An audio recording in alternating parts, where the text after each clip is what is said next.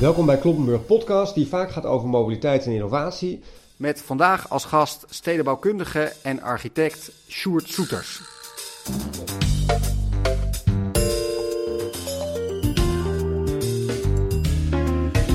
Ehm, ik heet Sjoerd Soeters. Ik ben van huis uit eh, opgeleid als architect. En na, eh, ik begon als architect te werken in Amsterdam in 1975. In 1979 begon ik mijn eigen bureau. En toen ik dat tien jaar had gedaan, maakte je gebouwen in, eh, in de stad en waar dan ook. Toen dacht ik, eigenlijk gaat het niet over gebouwen. Als je een verkeerd stedenbouwkundig plan hebt waarin je je gebouw moet zetten, dan wordt het sowieso niet goed. Dus we moeten ons met stedenbouw gaan bezighouden. En ik heb bijvoorbeeld Java-eiland gedaan in, uh, in Amsterdam. Ik heb meegewerkt aan de Resident. Dat is een gebied in Den Haag waar een aantal ministeries staan. En ik ben nu bijvoorbeeld 17 jaar bezig met uh, het centrum van Zaandam. En ik ben bijvoorbeeld in Holland Park Diemen bezig met 2500 woningen te bouwen. We kijken nu naar de ontwikkeling van de metropoolregio Amsterdam en de totale groei die dat gegeven heeft. Eigenlijk is de centrale vraag aan jou. Uh, er komen straks nog circa 250.000 woningen in deze hele metropoolregio erbij. Uh, die loopt van Haarlem tot aan Weesp en van Zaandam tot circa Hoofddorp. En ik geloof dat er circa 90.000 woningen binnen de ring A10 erbij komen. Nou, jij met al jouw ervaring, zou jij ons mee kunnen nemen? Hoe moeten we dat oplossen? Hoe moeten we dat aanpakken? Dat weten we niet. en het erg is dat niemand het weet. Want kijk, wij zijn China niet. In China zeggen ze gewoon Centraal Comité. Wij bouwen daar een stad van 10 miljoen of van 100 miljoen, maakt geen bal uit. Ja. En over zeven jaar staat hij er, inclusief metro en weet ik wat allemaal. En dan staat hij daarna leeg, dat gebeurt ook in China. Ja. Dat is ook het probleem met centrale besluitvorming. Maar uh, wij zijn natuurlijk, laten we zeggen, wij zijn een land wat uh, enerzijds heel veel bestuurslagen heeft uit, het, uit, uit de geschiedenis. En anderzijds uh, reageren we allemaal natuurlijk op prikkels uit de markt. En er worden allerlei kleine politieke beslissingen genomen. En die hangen helemaal niet samen. Wat de gemeente Amsterdam bepaalt. Ja, daar gaat de provincie ruim tegen, tegen de keer. En die zegt, nou, wij denken daar anders over. En uh, zelfs... Maar als het, als het aan jou zou liggen, stel dat het wel China zou zijn. We weten dat het dat in Nederland, nee, Nederland niet dat is. Moet je, moet je niet hopen. nee, dat moeten we ook niet willen waarschijnlijk. Maar de vraag is gewoon wel van, als je dan kijkt naar... Laten we als voorbeeld eens eventjes die circa 90.000 woningen... die, of het er nou 90 of 100 zijn, die binnen die ring A10 zou... Wat zijn dan plekken waarvan jij zou zeggen, daar zou het kunnen... En daar moeten we het vooral niet doen. En moeten we nee, hoog, moeten we laag. Dat kan helemaal niet volgens mij. Kijk, het probleem in Nederland is ook dat politici uh, op landelijk niveau of op provinciaal of op gemeentelijk niveau, die roepen wat. En vervolgens weet echt niemand hoe je dat moet doen. Toen ik Java Eiland maakte, toen riep de politiek, ja, wij willen warmtekrachtcentrales in, uh, in, uh, in die gebouwen hebben. Dat zijn een soort hele grote ja. dieselturbo's waarmee je dus gas omzet in elektriciteit en in warmte, weet ik veel. En die mensen van de, de, de, de Nuon, zal ik maar zeggen, ja, die zeiden ook tegen mij, we weten echt niet hoe we dat moeten doen hoor. We, moeten er nog aan beginnen. Dus uh, we zien het wel als een opgave en een uitdaging, maar we weten echt niet of het goed komt. En dat is structureel in Nederland ook. De politici roepen wat. Ja, we gaan 100.000 woningen. In Zaanstad gebeurt hetzelfde. Ja, wij gaan van die 90.000, gaan wij er 10.000 bouwen. En, en jij wie, denkt waar en, dan? En wie breng je daarvoor mee? Daar heb je helemaal geen apparaat voor. Dat kan je helemaal niet. Daar moet je heel veel voor gaan organiseren, zowel qua besluitvorming, qua planning. Zijn die gronden beschikbaar? Dat zijn allemaal kleine kavels van uh, weet ik wat, hoeveel verschillende eigenaren. Maar bedoel je eigenlijk gewoon simpel te zeggen, uh, te zeggen dat als jij zegt 90.000 woningen nu binnen de ring A10 van Amsterdam, dat jij zegt, nou dat vind ik eigenlijk onhaalbaar? Is dat wat je bedoelt te zeggen? Ja, ik denk dat, dat, dat als je dat gaat nakalculeren of over tien jaar of zo, dat je tot de conclusie komt dat het niet gehaald wordt. We moeten ook streven naar leefbare omstandigheden. En daarbij is het niet alleen de woning van 50 of 70 of 100 vierkante meter is een criterium, maar hoe staan die woningen ten opzichte van elkaar aan openbare ruimtes? Welke openbare ruimtes zitten tussen die woningen? En wat zijn de mogelijkheden dat je in die openbare ruimtes die openbaar zijn, of die semi-openbaar of semi-privé zijn, dat je daarin een belangrijk deel van je dagelijkse leven doorbrengt. Als je rotwijken maakt, ja. dan moet iedereen op een vrije zaterdag en zondag moet in de auto klimmen om ergens heen te gaan. Want eh, ja, mijn buurt is een klote buurt, ik wil eruit. Ik ga, ik ga ergens anders recreëren. Wat vind nou. je echt een schoolvoorbeeld in Amsterdamse waarvan jij zegt, nou dat vind ik echt een rotbuurt geworden? Of is het stedenbouwkundig natuurlijk? Nou, er zijn natuurlijk, ja, wat is een rotbuurt? Nou ja, je hebt natuurlijk buurten die uh, vroeger met het nodige idealisme zijn neergezet, buiten de ring, hè, van ja. Easteren in, in West. Ja. Uh, dus uh, plaatachtige gebouwen in het groen, met waterpartijen, weet ik het allemaal. Die eigenlijk een soort, die hebben een combinatie van je woont buiten de stad en er zijn geen voorzieningen. En je woont binnen de stad, maar dat is eigenlijk uh, dus niet gezellig. dus het is eigenlijk van tweeën niks, vind ik altijd. Ja. Dat zijn een soort uh, stempelachtige uh, wijken. die vroeger voldeden aan het ideaal van licht en lucht en ruimte. maar die eigenlijk niet meer van deze tijd zijn. Het was heel interessant. Ik was onlangs in Le Plessis Robinson ten zuiden van Parijs, een typische banlieue, waar ook die plaatachtige gebouwen staan. Heel treurig, allemaal van die betonplaten. En daar wonen dan mensen drie, vier hoog in. Afstand ertussen, waar dan een paar autootjes geparkeerd staan. Enorme klote situatie. Daar zit een burgemeester, die zit er al twintig jaar. En weet je wat hij doet? is een beetje een rechtse burgemeester, hij is van Sarkozy. Hè? Weet, je, wat hij doet? Hij heeft een plan laten maken. Ze slopen al die arbeiderswoningen. HLM heet dat in Frankrijk, sociale woningbouw. En ze bouwen daarvoor het equivalent aan nieuwe woningen voor die uh, lage inkomens terug. En ze voegen daar twee keer het aantal aan toe van, betaal, van, van uh, koopwoningen. Waardoor je dus een hele. je met twee keer het aantal. Nou, dus je sloopt 100 woningen en je bouwt er 300 woningen voor terug. Exact. Enorme verdichting. Maar ontzettend goed gedaan. Alle auto's zitten onder het maaiveld waar het groen overheen gaat. Je hebt straten waar huizen aan staan. Prachtig vormgegeven. Aan de achterkant zitten de korte tuinen op een gemeenschappelijk uh, groen uh, terrein uit te kijken. Het is een paradijs. Mensen staan daar te vissen in een, in een, in een beekje wat uh, volstrekt met een pomp wordt aangedreven. Je zegt, je weet niet wat je ziet. dus dat is een benadering waarvan ik waarvan ik heel erg geloof dat je die in Nederland ook zou moeten doen. Maar ja, in Nederland heb je woningcorporaties die die, die, die eh, panden in West bijvoorbeeld hebben. Of in Noord, je moet eens naar de buik, buiksloter, weet ik hoe dat... Ja, nee, nee, de ham is dan dat nieuwe stuk, maar er ligt een soort kleine bijlmer nog in Noord. Hè? Ken je die? Buikslotermeer. Buikslotermeer, ja. ja. Aan, de, aan de westkant van Noord. Nou, je moet eens kijken. Die woningen die zijn uh, natuurlijk uh, kuis verrot allemaal. Die zijn aan het eind van hun levensduur. Zijn voor een deel nog van corporaties. Voor een ander deel zijn ze uitgepompt. Dat we zeggen, verkocht aan de arme populatie die, die, erin zit, die niet weet hoe je dat ding moet onderhouden in de toekomst, overeind moet houden. Dus die zijn gewoon opgescheept met het afdankertje en zie maar hoe je eruit komt. Maar wat ik altijd merk aan jou, is dus- dat jij langzaam steeds zeg maar, driftiger wordt over dat soort nee, situaties. Dus, ja, omdat, het, omdat het een soort onmogelijke uh, situaties zijn. Hoe komen we er ooit nog uit? Maar stel nou voor dat je die hele buiksloot nog meer daar, hè, die zou je eigenlijk moeten platgooien in mijn ogen. Ja. En dan zou je die tactiek van uh, Le Plessis Robinson daarop los moeten maken door te zeggen: Nou, oké, hoeveel woningen zijn dat? Die bouwen we sowieso terug. En we voegen daar twee keer zoveel koopwoningen aan toe. En dan heb je als voordeel dat je in één keer een gemixte wijk hebt. Want wat er nu gebeurt, bij al dat soort buurten worden gezegd... nou, we moeten aan de buitenkant maken we nog een, een randje wat met, met wat betere bewoners. Nou jongens, dat wordt natuurlijk niks. Dat gaat nooit werken. Het is veel beter dat je iedereen dezelfde nieuwe ideale conditie geeft, Auto's onder het maaiveld, prachtig landschap aangelegd, winkels in de buurt. eh, gewoon zo is iedereen wel. Maar dan is altijd de vraag van, moet je dan enorm de hoogte in? Helemaal niet. Nee, want dat is je, Dat jouw is gewoon kernpunt. onzin. Nee, dat is gewoon onzin.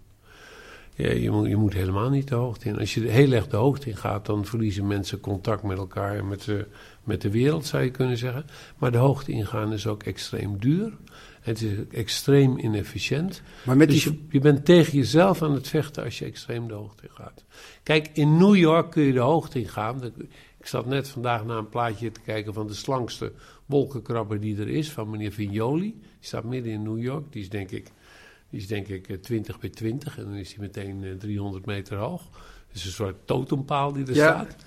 Nou, wat denk je dat het in New York kost, de meter? Ja, ik denk gewoon 20.000 dollar per vierkante meter. Dus dan kun je, eh, nou reken maar uit, dan koop je 100 meter voor, eh, voor eh, 20 miljoen. Eh, vergis ik me nou? Ja, zoiets is Ja, erbij. Nou, dat, dat, dat gaan wij in Nederland niet kunnen betalen. Zo zit onze Nederlandse samenleving niet in elkaar. Wij hebben, we hebben een redelijke middenklasse, die het overigens heel moeilijk heeft financieel, heb ik begrepen. Nou, die moet je dus betaalbare woningen aanbieden. En dan moet je dus niet hoger bouwen dan maximaal 15 lagen. En, het wat vind beste je een je- betaalbare woning voor middenklasse? Wat voor prijs heb je het dan over? Nou ja, kijk, ik ben supervisor in de houthavens in Amsterdam. En daar heb ik de prijzen zien oplopen tot 6.500 à 7.000 euro de vierkante meter. Dat betekent dus dat als je eh 100 meter wil kopen, dan ben je 6,5 ton ton. kwijt. Dat is bij de huidige regelgeving voor leningen is dat aan de stijve kant. Wat zeg ik? is eigenlijk gewoon te hoog. En je leest het ook in de krant. De mensen verlaten de stad, want ze kunnen niet meer betalen. Dus daarmee wordt de stad meer en meer eh, een, een plek voor de juppen en voor de elite. Terwijl je die mix van bewoners nodig hebt, omdat je het allemaal moet laten draaien. Even terug naar, de- we doen zo die mix van de, even terug nog naar die verdichtingsvraagstuk. Zeg je dan ook van, als je bijvoorbeeld dat sluisbuurtje, dus hoeveel mensen kan je daar dan kwijt in jouw voorstel? Net zoveel als in het gemeenteplan. En, dus hoe- wij hebben, en hoeveel is dat circa? eh, ik moet weer even goed nadenken, eh, wat, waar hadden we het over? We hadden het over, geloof ik, 6.500 woningen. En dat is dan één buurt. En, en bij 6.500 woningen moet je altijd meteen zeggen van... zijn dat woningen van 40 meter? Of zijn het woningen van 70 of 80 meter? Dat maakt natuurlijk nogal een verschil. ja, en wat had jij En- in je hoofd zitten? Nou, we hebben gewoon eh, de meters, eh, de meters, we hebben het per meter gedaan, want dan ben je echt vergelijkbaar. We hebben gewoon de meters van onze blokken, hebben we vergelijkbaar gemaakt, één op één, met de meters van het gemeenteplan. En als je die gedachtegang van dat sluisbuurtje, want dat is maar één plek of één kavel of hoe je dat Ja. ook noemt. Als je daar nou eens nog een keer naar kijkt over dan die hele ring A10, dus ring Noord tot en met ring Zuid, gewoon het hele gebied. Waar zou je dan zeggen, nou dat zie ik qua woningbouw of kavels extra, zie ik op die, die, die en die plekken zou dat nog additioneel kunnen? Nou, dat heb ik niet uitgezocht. Maar je, eh, als je de. eh, Kijk, je moet het niet binnen de ring proberen, want dan lukt je niet. Maar laat ik het dan concreter maken. Nee, Als je kijkt naar het plan van de havenstad, waarbij ze volgens Ja. mij eh, Noordwest heel veel willen doen. Ja, dus langs het ei aan de noordkant kun je over een zekere diepte heel veel woningen toevoegen. Moet je wel een aantal scheepswerven eruit halen en een aantal industrieën daar verwijderen. En ook aan de oostkant eh, tegenover Java-eiland, eh, dus de strook helemaal tot eh, de oranje eh, sluizen. Dat zie je Dat wel eens gebeuren. Ja, dat, zie je, dat, dat, zie je, dat gaat gewoon gebeuren. De komende twintig jaar komt dat. Zeker. Dus dat is helemaal die hele noordkant van het ei en het Noordzeekanaal tot aan Zaanstad. Dat wordt zeker woongebied. En in Zaanstad zijn ze natuurlijk ook bezig. Heet dat Achtersluispolder heet dat. Eh, en dan heb je natuurlijk het Hembrugterrein. Dat is Ja. net verkocht voor weet ik wat. Moet, en daar hebben ze dan vastgesteld dat er duizend woningen opkomen. Dat is veel te weinig. Daar kunnen best 2000 woningen op in mijn ogen. Dus je kunt die gebieden intensiever maken. En als je ze intensiever maakt, dan kom ik ook weer bij jouw vak. Dan krijg je dikkere vervoerstromen. Dat wil jij. En dus ja, dus eh, nou heel mooi. Naar aanleiding van het sluisbuurtdebat werden wij gebeld door het havenbedrijf. Het havenbedrijf Amsterdam is eigenlijk het is niet een volle dochter van de gemeente, die zijn eigen baas. Ja. En die zei, nou weet je wat wij willen? Wij willen, eh, wij willen modellen ontwikkelen om de, eh, de, de terminal, de passagiersterminal, die nu eh, langs de oostelijke handelskade ligt, die willen we in westelijke richting verplaatsen. Dan kunnen we die vervoersstroom die daaruit komt, kunnen we beter eh, controleren. Nu is het een beetje eh, is te veel bij elkaar. Bovendien willen we een brug maken over eh, van Java-eiland naar Noord, wat Ja. overigens een onzinbrug is, want die brug die, dat is een fietsbrug. En die fietsbrug is ook een deel van de tijd open. Nou, je moet de Amsterdamse fietser kennen om te weten dat hij dus helemaal naar die punt van Java gaat rijden. Eh, naar de fietsbrug, die heel oncomfortabel is, want je moet heel erg omhoog. Dan kom je in Noord ergens uit waar niks is. Hè, daar, is niks. Daar is alleen die oude industrie staat daar nu. Ja, misschien is daar over twintig jaar wel wat. Maar, en dan loop je het risico dat die brug open is, omdat er een schip doorheen moet. Nou, de Amsterdamse fietser gaat het echt niet doen. dus, nou, maar goed, die havenjongens die zeiden tegen ons... eh, nou, wij vinden die plannen die jullie voor de sluisbuurt hebben gemaakt... hebben ons op het idee gebracht. Kunnen jullie nu voor ons eh, de, de, eh, de verplaatsing van die terminal maken in dat en dat gebied? En kunnen jullie dan laten zien wat het aantal woningen is dat je daar omheen kunt maken... met een aantal maatregelen die schepen maken, namelijk berenveel geluid tot 50 meter hoog. Ja. Dus je moet ze eigenlijk in een kamer zetten van gebouwen, waardoor dat geluid binnen kan blijven. En dan kun je daar buiten kun je weer heel veel gebouwen maken. Dus we hebben voor die eh, jongens hebben we in zes weken plan, een, een plan gemaakt. eh, om dat hele havengebied eh, waar die terminal moest komen, te voorzien van een enorme hoeveelheid woningen. Ik weet niet meer uit mijn hoofd hoeveel, maar echt Maar super. Even voor mij, want anders snap ik het niet Ja. goed genoeg. Zou die dan moeten komen waar het sluisbuurtje zeg maar nu... Nee, nee, nee, nee, veel verder naar het westen. Ja, precies, vol aan Natuurlijk, de, aan de de- west... Ik, dacht Ja. al, helemaal aan de Dus westkant bij de van de stad. Koentunnel daar. Ja, ja, Ja. exact.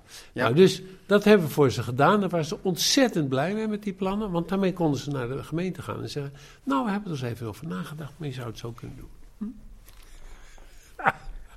dat echt grappig. En daarmee zie je, dat is ook weer een illustratie van het veelkoppige monster... of de hele ingewikkelde besluitvorming in, ons, in onze bestuurslagen.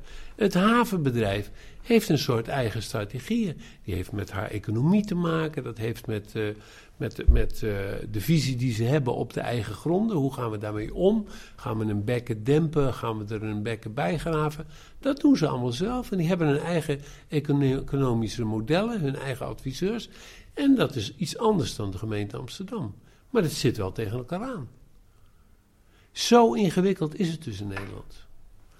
En dus ja, eh, je zou kunnen zeggen, als wij onze. Eigenlijk probeer je te zeggen van ik kan de vraag nou wel als utopie drie keer blijven stellen, maar je zegt het is gewoon zo ver van de werkelijkheid Ja. af Ja, dat je hem nog vijf keer kan stellen, maar zo zit het gewoon niet in elkaar. ja. In Nederland is niet een land waar je met één mes in één keer door alle bestuurslagen heen kunt snijden en zegt: jongens, allemaal bekken dicht en zo gaan we het doen. Zo werkt het niet. Je moet per laagje moet je er doorheen en moet je weer eens een beetje opzij door een ander laagje er doorheen. Het is alsof je door een hele dikke eh, Mac, Mac eh, moet snijden, bij wijze van spreken. Per laag moet je het doen. Zo'n dikke Mac kun je één ook niet in één keer doorbijten, toch? Nee. Die moet je eerst demonteren en dan kun je misschien... al- Ja, een beetje onsmakelijk verhaal, sorry.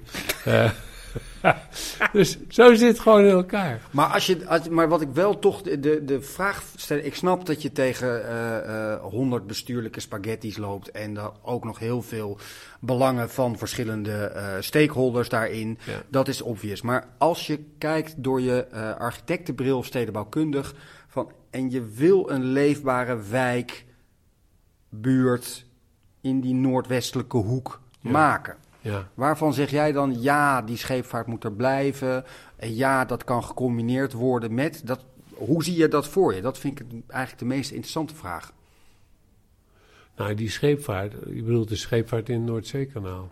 Ja, dat is één. Ja. En twee, die cruise terminal. eh, En de, dus het ontwerp wat je gemaakt hebt, zeg jij ja, dat, dat zie ik echt voor. Nou, me. dat, dat, dat zal zeker, iets dergelijks gaat zeker gebeuren. En of die terminal nou aan de Amsterdam-kant komt, of aan de Zaandam-kant, want Ja. die zijn er ook mee bezig. Ehm, Zo'n terminal heeft ook een aantal bezwaren.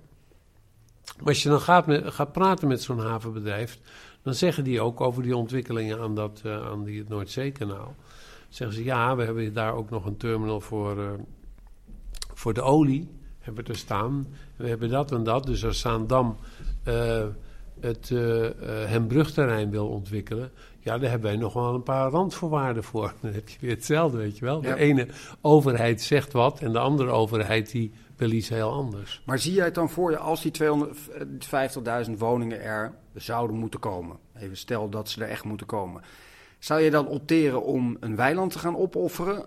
Of zou je toch zeggen, nou dan, dan moet het toch wel in dat stedelijk gebied en conform zeg maar planningen uh, die we nu zien, die er gemaakt zijn? Nou kijk, het bezwaar van weilanden is natuurlijk eigenlijk dat, uh, dat uh, daar de infrastructuur sowieso niet is. Dus het is wel heel slim, denk ik, om te zeggen: oké, hoe ligt nu de, de huidige infrastructuur? Hoe kunnen we die infrastructuur intelligenter gebruiken? Dat was jouw verhaal. En hoe kunnen we daar die zodanig uitbreiden dat de geconcentreerde woonagglomeraties. Dat die, uh, dat die dicht bij die infrastructuur worden uitgebreid. Ik ben bijvoorbeeld nu bezig met het maken van 2.500 woningen in een plan dat heet Holland Park net over de A10 aan de oostkant heen, in Diemen.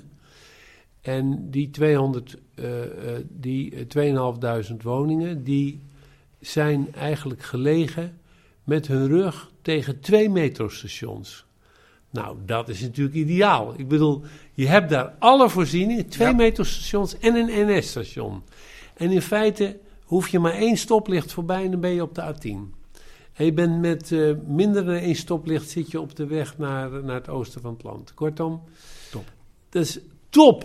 De man die dat heeft bedacht, André Snippen, die heeft dus in het diepst van de crisis, heeft hij dat gebied gezien, heeft hij alle kantoorgebouwen die erop staan, uh, die leeg stonden, in handen of in de boeken van Duitse beleggers, heeft hij voor de sloopprijs gekocht voor de kiloprijs, zei hij tegen mij. Ja. Heeft afspraken met de gemeente gemaakt. Ik ga dat allemaal levelen en ik ga er 2.500 woningen bouwen. De gemeente heeft dat ook gezien en gezegd, nou, we gaan je helpen. Dus we hebben in een heel snel proces, ik ben daar nu vier jaar mee bezig. Over drie jaar staan er 2.500 woningen. Nou, dat is vergeleken met procedures en processen in Amsterdam, is dat ongelooflijk snel.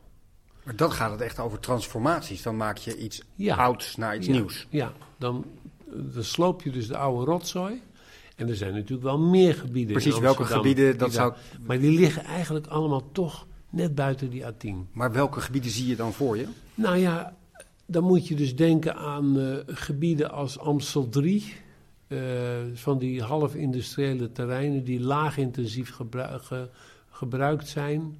Uh, dan heb je een gebied bij de Schinkel heb je waar ook een aantal ja, industriedozen staan. Er zitten nu allemaal weer high-tech-achtige kantoortjes in natuurlijk, hè, want die hebben dat ook gezien. Dan moet je denken, als je verder naar, naar het westen gaat, ja, dan moet je toch eigenlijk die hele Van Eesterenbuurt moet je op precies Robinson-achtige manier aanpakken in mijn ogen. Dus gewoon jongens. Maar er zit dan weer de, de dienst monumentenzorg tussen. Want ja, dat is werelderfgoed, weet je wel. Dus van Van Eesteren. Ja, Moela. Ik uh, bedoel, ik denk... Uh, uh, Jij zou zeggen, gooi die boel plat. Nou, je, je, maakt er een museum en je laat één zo'n gebouw staan als een sample. En dan, dan ga je de rest ga je gewoon intensief bebouwen. Daar lopen ook tramlijnen, daar loopt de metro langs, daar loopt het spoor dwars doorheen. Dus dat zijn de plekken waar je het moet doen. En in Noord is natuurlijk een heleboel... Het zijn allemaal clusters van wijken, zou je kunnen zeggen. Met allemaal een eigen datering, een eigen jaartal, een eigen karakteristiek. Um, als je helemaal tegen de A10 aan de noordkant, er staan van die, ik zal maar zeggen, 60er jaren uh, uh, galerijplaatachtige gebouwen. Ja, ik zou zeggen, jongens. Uh, weg ermee. Weg ermee en een heel nieuw milieu ervan maken. En dan kun je een verdrievoudiging bereiken. Hè? Precies, Robinson. En dan wordt Noord plotseling ook ja, stedelijker, zou je kunnen zeggen. Nou, aan de noordkant daar mag je niet naar buiten, want dan zit je in, in uh, de groene buitenkant. Maar er zijn ook collega's van jou die zeggen: nee, we moeten hier een megastad en we moeten wel Noord maar na, uh, dus voorbij, voorbij de ring A10, en hup de lucht in en we moeten een megastad maken. Ja, maar dan zit je in Landsmeer en dan zit je in, uh, nou, is allemaal niet eenvoudig. Hè? En dan zit je maar in zou het, je ervoor opteren? in, vind in ik een, een groen gebied, weet je wel. Dus tussen Ja. Landsmeer en, en Zaanstad ligt zo'n prachtig uh, groen gebied met slootjes en Ja. dingen. Beschermd natuurgebied. Ja, we hebben Nederland toch wel vrij goed beschermd. Nee, maar wat ik een interessantere vraag vind, zou je ervoor opteren als je toch vindt dat die woningen uh, er zouden moeten komen? Of zeg je, nou dan maar minder woningen? Of maar zeg je van ja, nee, op een gegeven moment toch die natuur wel in? Of zeg nee, bouw dan in binnen de ring en transformeer zoveel als kan? Ja. Dat is wat je, waarvoor jij opteert. Ja. Nou, ga niet in de eerste ronde. Dat is heel gemakzuchtig. Hele polders volbouwen. Ik bedoel, je moet de vraag eh, niet makkelijker maken dan die hoeft te zijn, toch? Dankjewel. Dank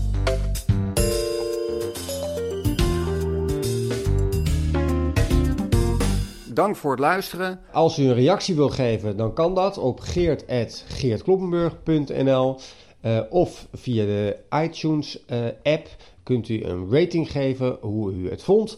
En uh, graag tot een volgende keer. Dank voor het luisteren.